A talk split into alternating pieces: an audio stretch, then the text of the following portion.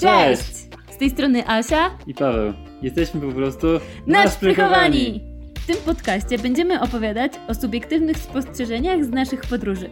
Jak można się domyślić, podróżujemy głównie na rowerach, ale gdy warto je zostawić, nie wahamy się wskoczyć w buty trekkingowe i ruszyć je z pytakiem.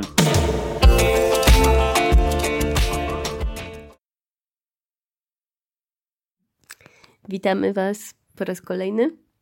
To już będzie nasz szósty odcinek. Tym razem postanowiliśmy zrobić trochę przerwę w naszych opowieściach z Ameryki Południowej, chociaż wciąż w niej jesteśmy. Mm, I chcielibyśmy opowiedzieć o sprzęcie, z którego korzystamy i co kryją nasze sakwy. W dzisiejszym odcinku opowiemy o tym, jak wyglądają nasze rowery, jakie narzędzia należy zabrać ze sobą. Mm, damy jakieś tam wskazówki o tym, z jakich ubrań korzystamy, co trzymamy w apteczce, jak wygląda nasz sprzęt do biwakowania i czego używamy do gotowania. Zapraszamy. No to zaczniemy od opowiadania o sakwach. Jeśli chodzi o sakwy, to od pięciu lat używamy sakw firmy Crosso. Jesteśmy do niej przywiązani, ponieważ jest to polska firma, więc wspieramy polskie biznesy. A poza tym, naszym zdaniem, jakość sakw nie odbiega od tych ortlibowskich, które wszyscy, no może nie wszyscy, ale większość Europejczyków używa ortliba.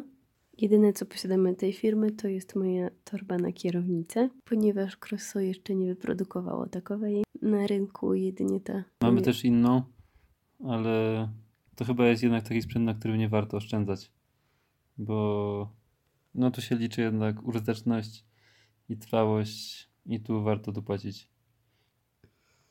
Jeśli chodzi o sakwy, których używamy, są one 60-litrowe. Ja mam jeszcze taki starszy model. Znaczy, Cross ogólnie ma wiele modeli, są droższe i tańsze. I w sumie jedyna różnica jest taka, że do tych droższych można, no oczywiście mają też inny materiał, ale do tych droższych można doczepić akcesoria typu inne torby, mm, Mają kaptury. też taki kaptur, pod którym jest suwak i tam można właśnie fajnie schować portfel albo jakieś takie rzeczy pierwszej potrzeby i z tyłu można też doczepić mniejsze litrowe sakwy albo 3-litrowe sakiewki. Na przykład może tam trzymać palnik, żeby, ta, żeby mm, zapach benzyny nie przychodził na inne rzeczy albo na zajęcia. No jest do tego łatwiejszy dostęp też. No tak, bo takie 60-litrowe sakwy nie mają żadnych przegródek w środku więc też trzeba bardzo umiejętnie się nauczyć pakować, żeby wiedzieć, co sobie zostawić na wierzchu. Oprócz tego mamy jeszcze wory mm, firmy Crosso, w których trzymamy śpiwory, namiot, maty do spania, buty. I jeszcze używamy takich pasków ściskających te wory, mm, które pomagają nam utrzymać je mm, w bagażniku. Co też jest e, fajne. Te mniejsze zakiewki litrowe albo 3-litrowe można też odczepić i jakby niezależnie ich używać jako taką torbę na miasto. Ja na przykład y, w Warszawie często zamiast nerki zabierałam sobie taką, no bo one są nieprzemakalne i też są wygodne, fajnie wyglądają. Można je sobie przewieźć przez ramię albo gdzieś tam doczepić do roweru więc to jest fajne. Takie sakwy nie są oczywiście idealne i mają swoje wady. My zauważyliśmy, że ich y, największą, największym niedociągnięciem są haki, na których trzymają się te sakwy.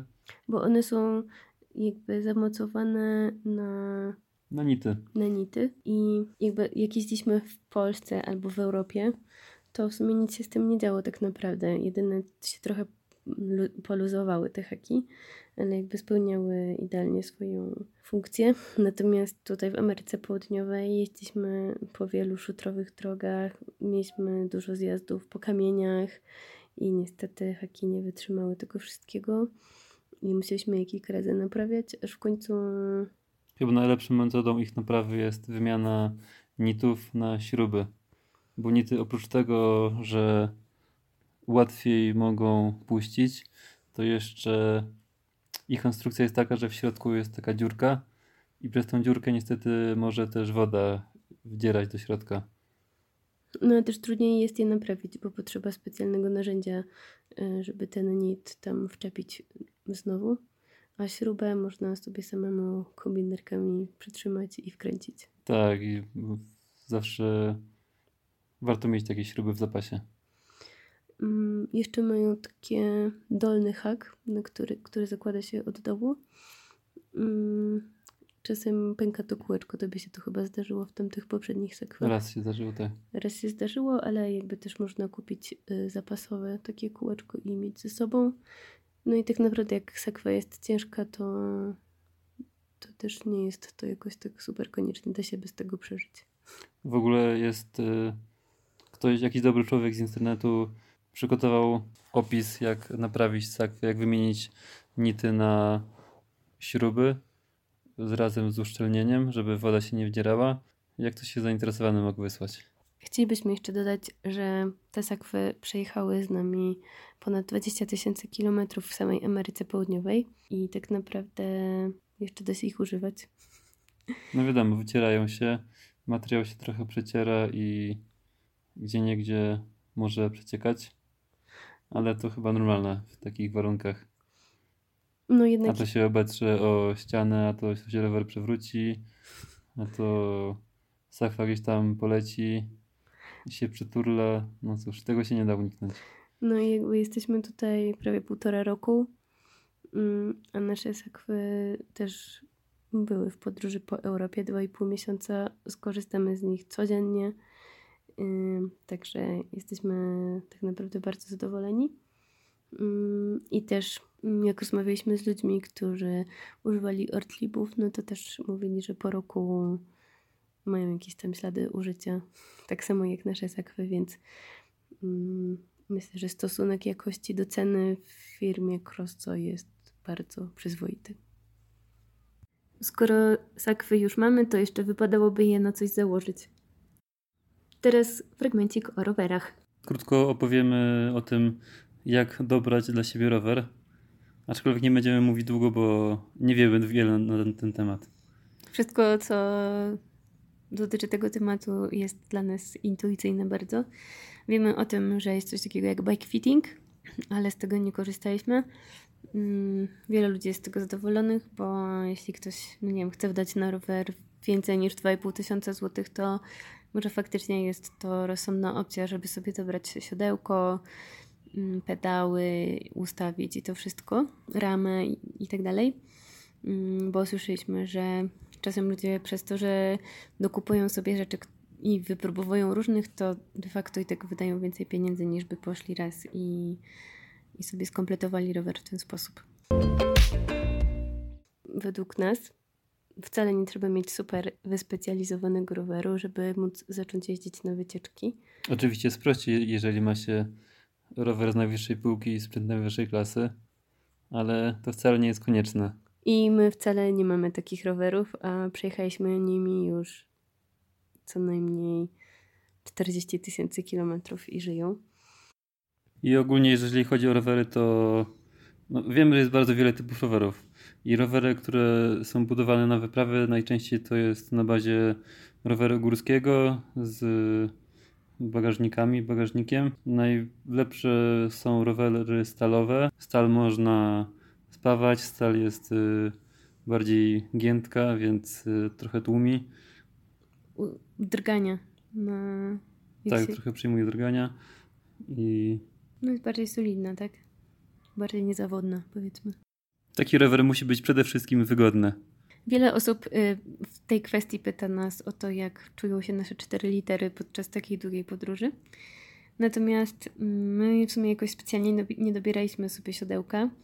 Ja mam takie fabryczne i po prostu wszystko, ciało się przyzwyczaja do wszystkiego i do tego ucisku i do tego kształtu też się przyzwyczaja. Co mnie też samą zaskoczyło, na przykład jak miewaliśmy podczas naszej rocznej podróży przerwy tygodniowe w jeżdżeniu na rowerze, to potem na nowo trochę trzeba było przeboleć pierwsze dwa dni, a potem znowu już było normalnie. Warto znać podstawowe zasady ustawienia roweru, na przykład, no to można znaleźć poradniki w internecie, żeby odpowiednio siodełko ustawić, w sensie wysokość i wysunięcie. Można też kombinować z wysokością kierownicy. Mm, Ja na przykład przez jakiś czas miałam podniesioną kierownicę w innym rowerze, bo trochę miałam kontuzję barku, więc y, mój fizjoterapeuta powiedział, że dobrze by było, żebym miała po prostu wyżej ręce. Y, Ale też chciałam, chcieliśmy zw- zwrócić uwagę na to, że jeśli się nieprawidłowo ustawia rękę na kierownicy, jeśli na przykład łokcie są wyprostowane i nadgarstki są bardzo zgięte, to zawsze będziemy odczuwać jakiś dyskomfort, bo po prostu naciskamy na cieśnie, cieśnie nadgarstka.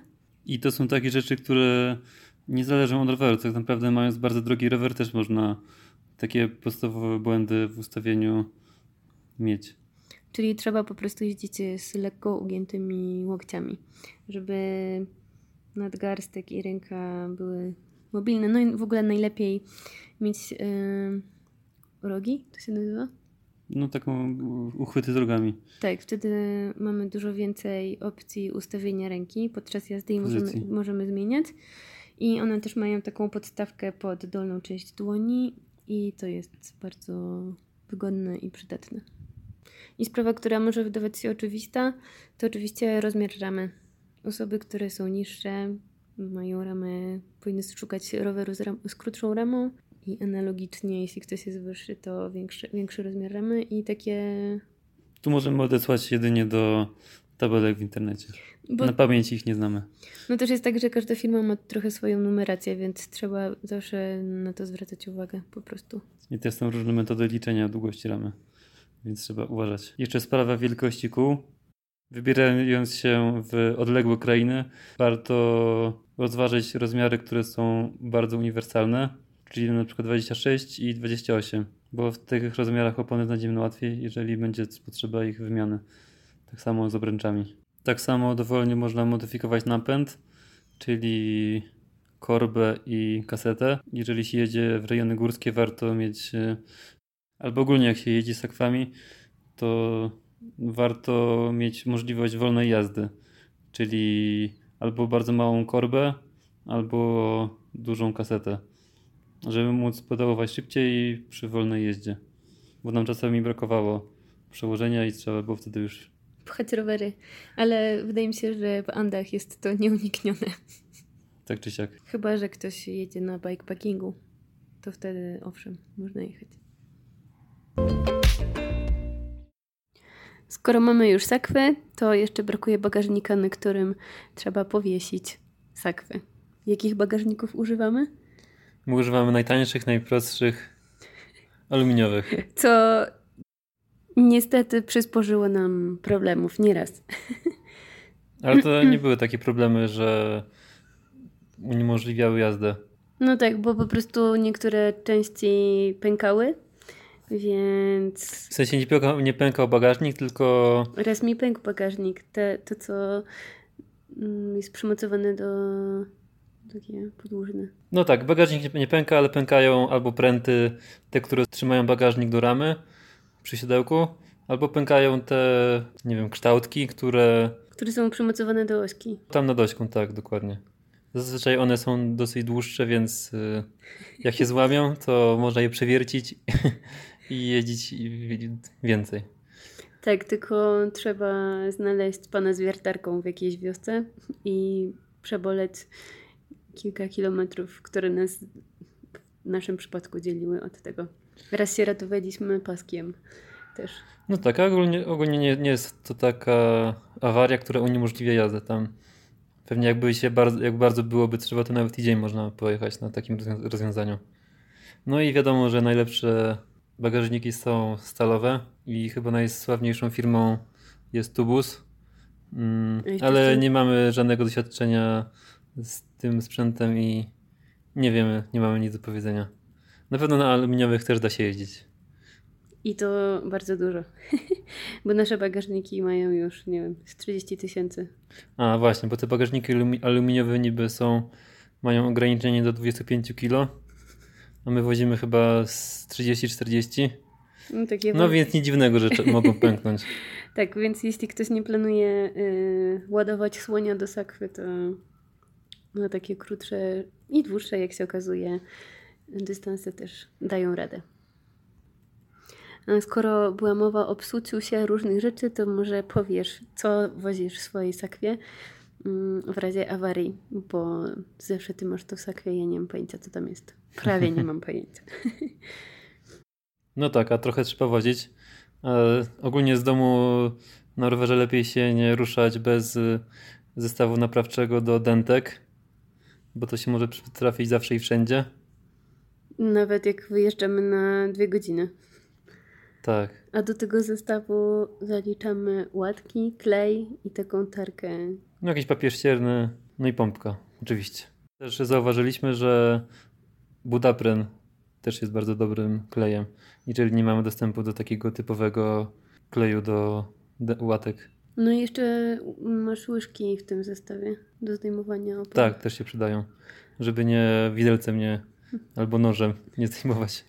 No my mamy takie Opony. Shimano niebieskie, plastikowe, No, szwalby akurat. a, które się tak fajnie składają. Przydają też się takie rękawice robocze, żeby się nie brudzić, bo jednak mm, no, opona jest cała w piachu często. Więc przydaje się taka para rękawic. Do podstawowych rzeczy jeszcze zaliczamy klucze imbusowe i multitula. Klucze czasem są wygodniejsze, żeby dotrzeć do różnych miejsc i tam się multitool cały nie mieści, więc mamy te dwie rzeczy ze sobą.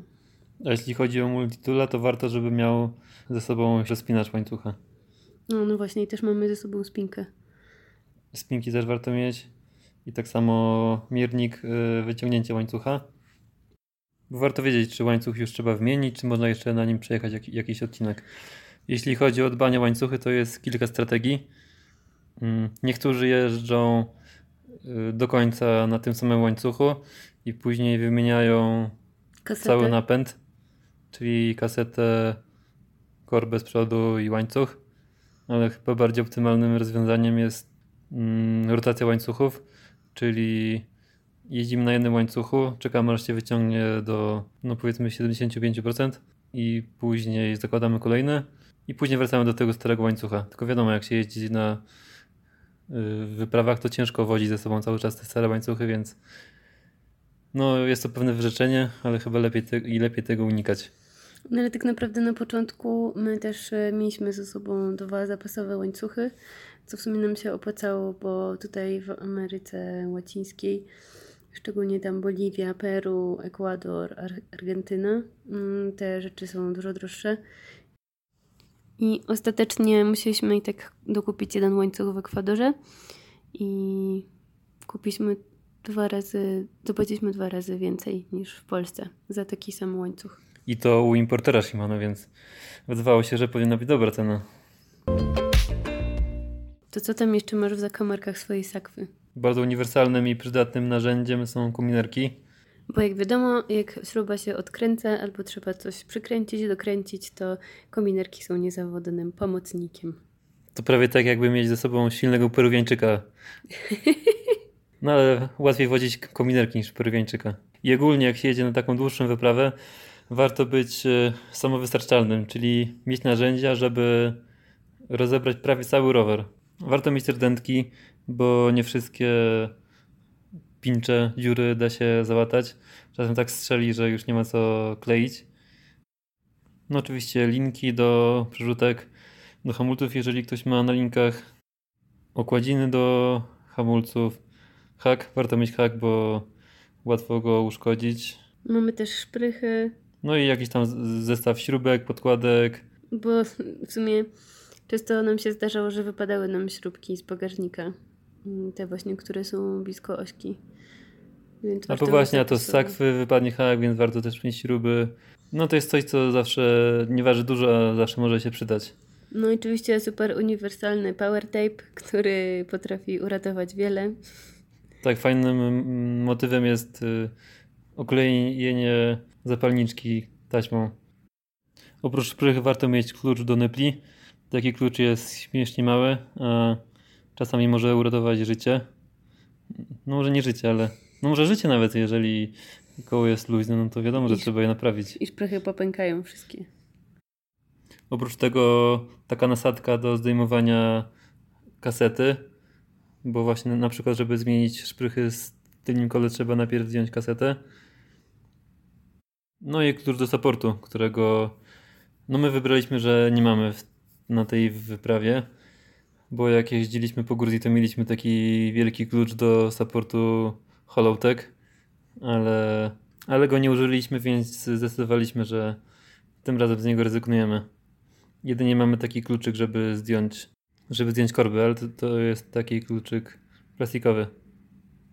I jeszcze z takich sprzętów, jakieś podpowiedzi, które możemy dać, to jeździmy w S-pedach, ym, czyli w takich pedałach wczepianych, ale mamy też opcję z platformą, czyli czasem możemy, pół jest, pół pedała jest na normalne buty, a pół na S-pedy.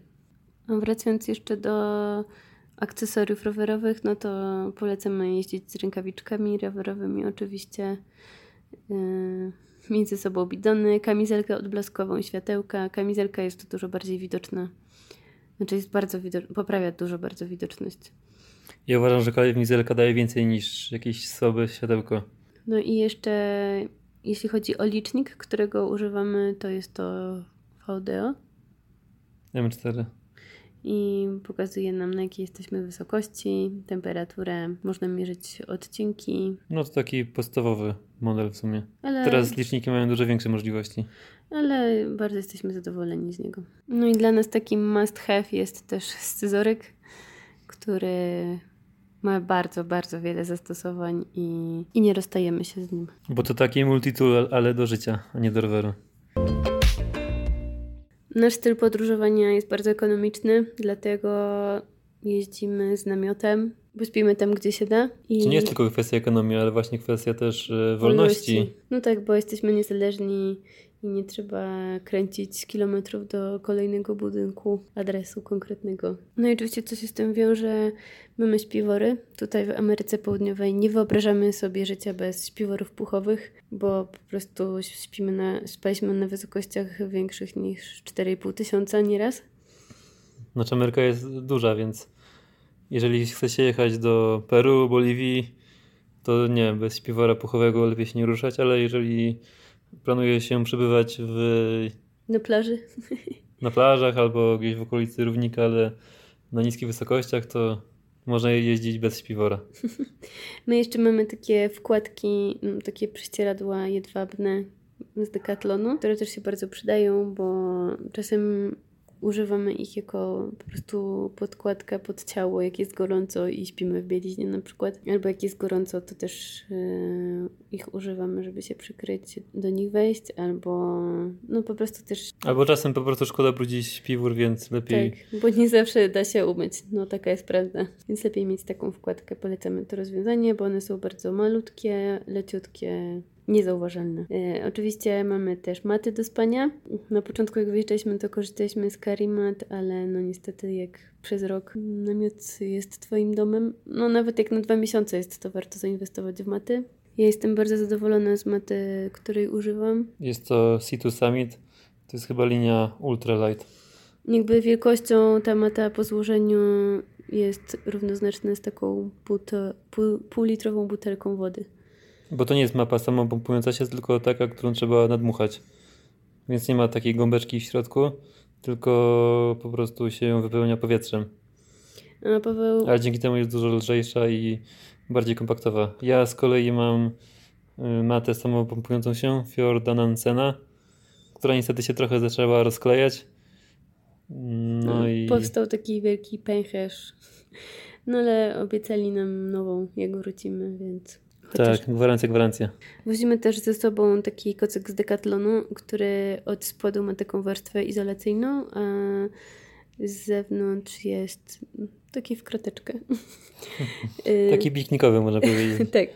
My go kładziemy pod maty, no bo po pierwsze jest trochę przytulniej, też jest większa izolacja od ziemi. Jak jemy wewnątrz namiotu, to też y, jest lepiej. Jest po prostu przytulnie, bo się nie śpi na tym materiale namiotu, tylko jak na dywanie prawie.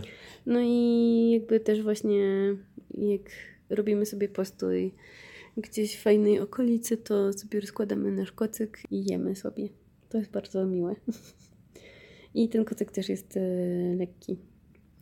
Jeszcze polecamy wziąć ze sobą plantekę, mm, żeby przykryć rowery, no bo często rano jest rosa albo pada deszcz. Nie zawsze jest opcja schować rowerów pod jakiś daszek. Też nie waży dużo.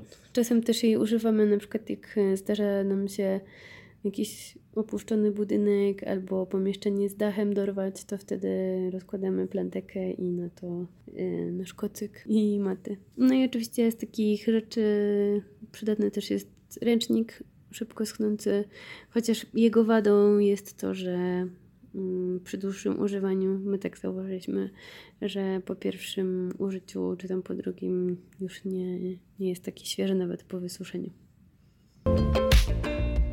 Nieodłączną częścią biwakowania dla nas jest też gotowanie. I tym razem mamy ze sobą palnik y, na benzynę, który kupiliśmy na AliExpress. To jeden z takich podstawowych modeli. Wcześniej korzystaliśmy z palnika na gaz, takiego bardzo malutkiego, kompaktowego.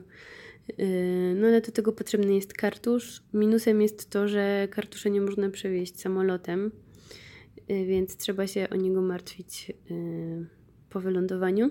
To jest jedna rzecz. E, albo trzeba go szukać w jakichś supermarketach. Też nie zawsze on jest dostępny. Także dla nas to jest e, dużo prostsza opcja mieć ze sobą palnik na benzynę. No bo też plusem jest to, że można zajrzeć sobie do tej butelki i zobaczyć, czy jeszcze dużo zostało tej benzyny, czy nie, a gaz to nigdy nie wiadomo, kiedy się skończy, czy nie. Dlatego jest to bardzo wygodne i dużo bardziej ekonomiczne. A czy opłaca się kupić e, palnik markowy typu MSR czy innej znanej firmy? Mm, no na pewno jakość jest dużo lepsza i no jest to myślę mniej problematyczne, bo ten nasz palnik po pierwsze długo się nagrzewa, czyli bo palnik benzynowy działa tak, że y, on musi osiągnąć pewną temperaturę, żeby zgazować e, paliwo. No i ten nasz palnik ma taką przypadłość, że się nagrzewa dosyć długo, więc y, no, trzeba chwilę mieć cierpliwości, żeby doczekać się tego stanu, kiedy już ogień jest naprawdę ciepły i nie kopci. A te palniki, y, może nie oryginalne, ale markowe, praktycznie od razu zaczynają dobrze palić. Oprócz palników benzynowych jest jeszcze inne wyjście, można używać czystego alkoholu. Niektórzy też tak sobie radzą. Taki palnik jest y, bardzo prosty w konstrukcji Wręcz sobie można go samemu zbudować z puszki i no też ma wysoką wydajność. Tylko no właśnie, z alkoholem też jest czasem problem nie zawsze można go dostać. Chociaż w Brazylii można go kupić na stacji benzynowej, tak jak benzynę. Akurat. No i oczywiście mamy ze sobą w związku z tym zawsze zapalniczkę, menażki. Polecamy też mieć ze sobą zmywak.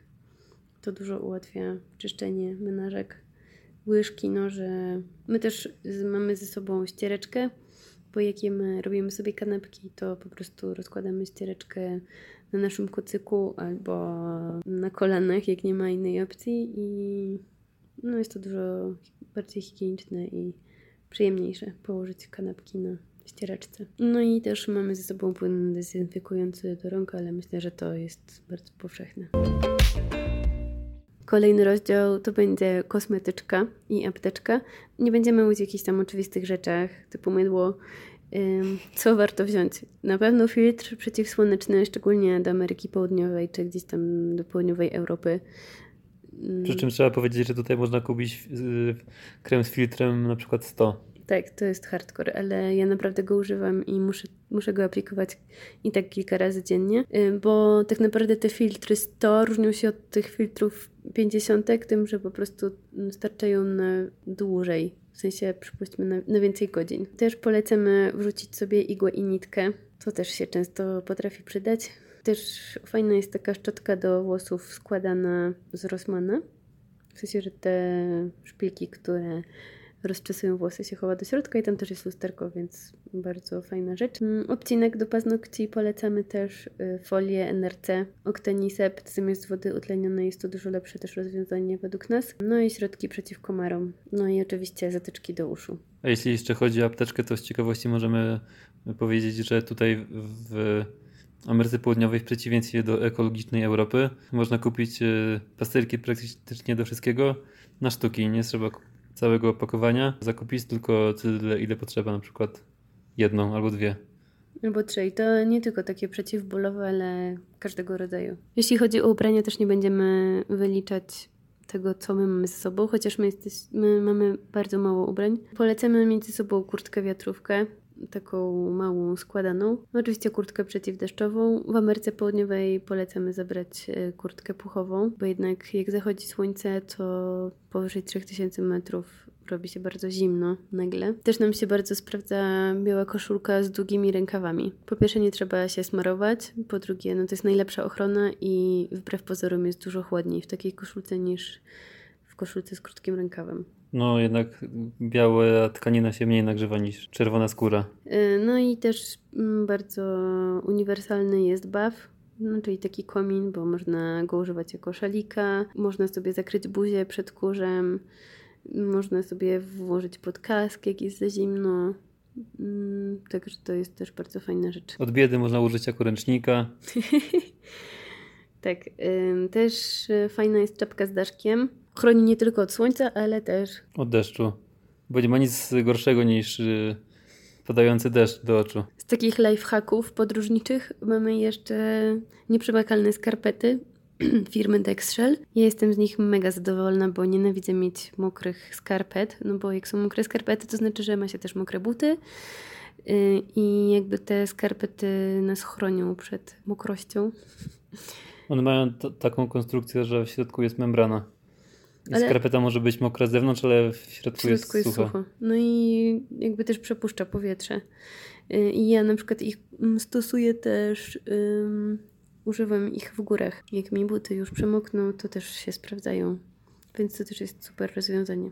Bo jak się jedzie na rowerze, no to jednak wiatr tam przenika i jest dużo zimniej, jak się ma mokre stopy. I jeszcze oczywiście fajne są sandały albo klepki. My polecamy sandały, bo można w nich przekraczać rzeki. Uprawiać tak zwany backtracking, czyli pchanie roweru. Polecamy. My ogólnie nie wyglądamy jak tacy typowi kolarze w obcisłych strojach. Nie używamy też spodenek z gąbką na pupę, bo prawda jest taka, że nasze ciało się przystosowuje do wszystkiego. No i po kilku dniach tak naprawdę już nie czuć bólu w czterech literach. A ta gąbka to może się odparzyć albo się zawilgotnieje i to się później długo suszy. No jednak na dłuższą metę to jest więcej problemów niż korzyści.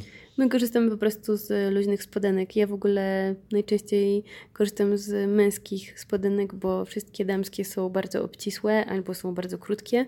Ja mam bardzo białą skórę i od razu mi się robią poparzenia, więc po prostu kupuję sobie spodenki w męskich działach i wyglądam jak y, Koszykarz? Koszykarz, ale trudno. Cenię sobie bardziej wygodę. I jeszcze ze spodni długich, które używamy, to są dopsomy. Ich zaletą jest to, że co prawda szybko mokną, ale też bardzo szybko schną. No i trzeba zaznaczyć, że to nie są spodnie do roweru, tylko to są spodnie raczej do orienteringu i tam są używane. Ale, ale na rowerze też się sprawdzają znakomicie. No i małą wadą ich jest to, że mamy tylko jedną małą kieszonkę, ale to tyle bym powiedziała na ten temat. Jeszcze powiemy o tym, jak pozyskujemy prąd. Głównym magazynem energii są jednak akumulatory, czyli powerbanki. Mamy dwa. Jeden taki podręczny, mały, ale starcza na jedno ładowanie telefonu powiedzmy no i taki większy, cięższy. Prostokątny z dwoma wyjściami. Używamy też czasem panelu słonecznego. Do ładowania powerbanków, tak. On jest płaski, plastikowy i bardzo lekki. I tak samo mieliśmy eksperyment z prądnicą w Piaście, ale tak naprawdę okazało się, że tutaj nie mamy za bardzo problemów z dostępem do prądu, więc nasze powerbanki wystarczają i tak naprawdę z generatora w Piaście nie korzystamy. W Europie bardziej korzystaliśmy tak naprawdę, bo tam bardziej na, na dziko spaliśmy, a tutaj w Ameryce Południowej jest tak, że dużo terenów jest prywatnych, są zagrodzone, więc yy, pytamy ludzi o to, czy możemy rozbić namiot w ogrodzie i wtedy też korzystamy ewentualnie z No abstrahując od tego, że mówi się, że tu jest niebezpiecznie tak spać na dziko zupełnie. E, Jeszcze z takich tipów możemy powiedzieć, że mamy rozdzielacz do słuchawek, bo weźmiemy ze sobą komputer i czasem sobie coś oglądamy. E, No a też jak chce się posłuchać czegoś razem, to taki rozdzielacz jest mały, zajmuje praktycznie miejsce i jest skuteczny. Jeszcze z elektroniki mamy ze sobą stary telefon, którego używamy do nagrywania treningów na Endomondo, dzięki czemu zapisuje nam się tam ślad naszej trasy i potem Paweł to eksportuje do innego programu. No i z tych wielu śladów y, robimy taką jedną wielką mapę, którą wrzucamy na Google. To już taka nasza indywidualna potrzeba zobaczenia naszego śladu na wielkiej mapie. E, Z innych rzeczy mamy jeszcze ze sobą małe plecaki. Ja mam taki z Decathlonu 10-litrowy, który też się zwija w taką małą kuleczkę. Pięść, tak naprawdę. Paweł ma trochę większy. Też mam, masz chyba Fjord Nansena, tak? Tak, Fjordnansen taki plecak sprzedaje, który też y, składa się do kieszeni. No i tam plecki też oddzielnie y, są usztywnione i to można jakieś tam w sakwie przy ściance trzymać. No i mamy też ze sobą buty trekkingowe, mm, takie podejściowe, czyli nie chronią nam kostki, są wystarczające, mają twardą podeszwę i jesteśmy zadowoleni, że je mamy, bo często tutaj umożliwia nam to jakieś fajne drogi jednodniowe. Fajne trekkingi, na które możemy sobie pójść. Mm, Mamy też ze sobą moskitiery, na, które się zakłada na głowę, bo jednak czasem chmary komarów potrafią utrudnić życie. Ja też polecam do krajów muzułmańskich zabierać taki długi szal. Ja mam taką bardzo cieniutką chustę, której używam jako no, szala właśnie, Y, ale ona się rozkłada tak, że mogę z tego zrobić tak naprawdę sukienkę, więc mogę sobie zakryć i ramiona, i nogi, jak mam jakieś krótkie spodenki albo coś. A to też jest bardzo lekkie i zajmuje mało miejsca i nie trzeba tych worów y, zakładać, jak się wchodzi do świątyń. Jeszcze z takich podstawowych zasad bezpieczeństwa, które stosujemy, no to mamy taki fejkowy portfel, którym trzymamy 10 euro i jakieś drobne. Mm, Jakieś stare karty kredytowe, także jak ktoś nas nagle napadnie i będzie żądał portfela, to właśnie mu to damy i Mamy też y, stary telefon jeden. no właściwie każdy ma, pos... No każdy tak. ma taki telefon swój, prywatny i jeszcze jakiś stary telefon, żeby też w razie czego oddać. Bo zazwyczaj jak, jak ktoś napada, to raczej nie przeszukuje, tylko też chce się szybko mm, ulotnić, więc nawet nie sprawdza, co tam ma, tylko bierze i ucieka.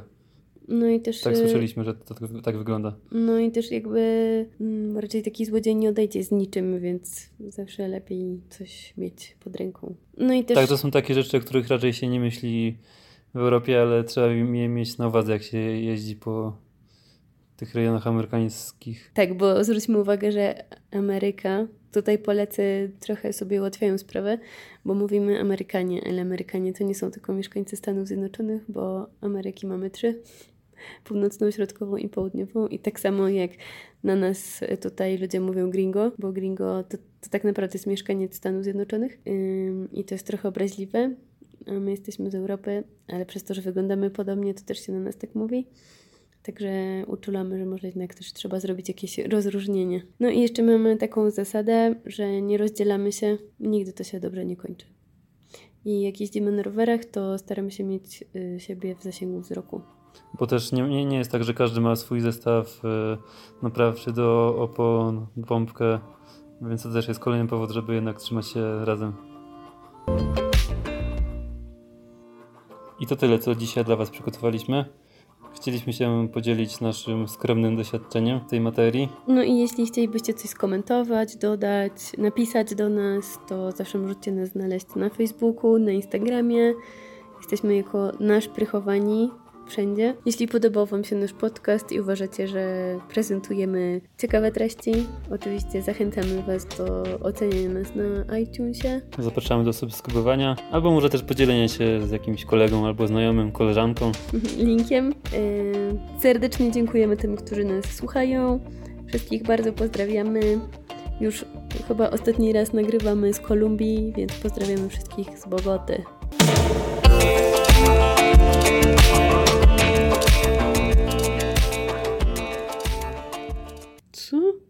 Co? Uff, nagrało się. Już myślałam, że wszystko straciliśmy.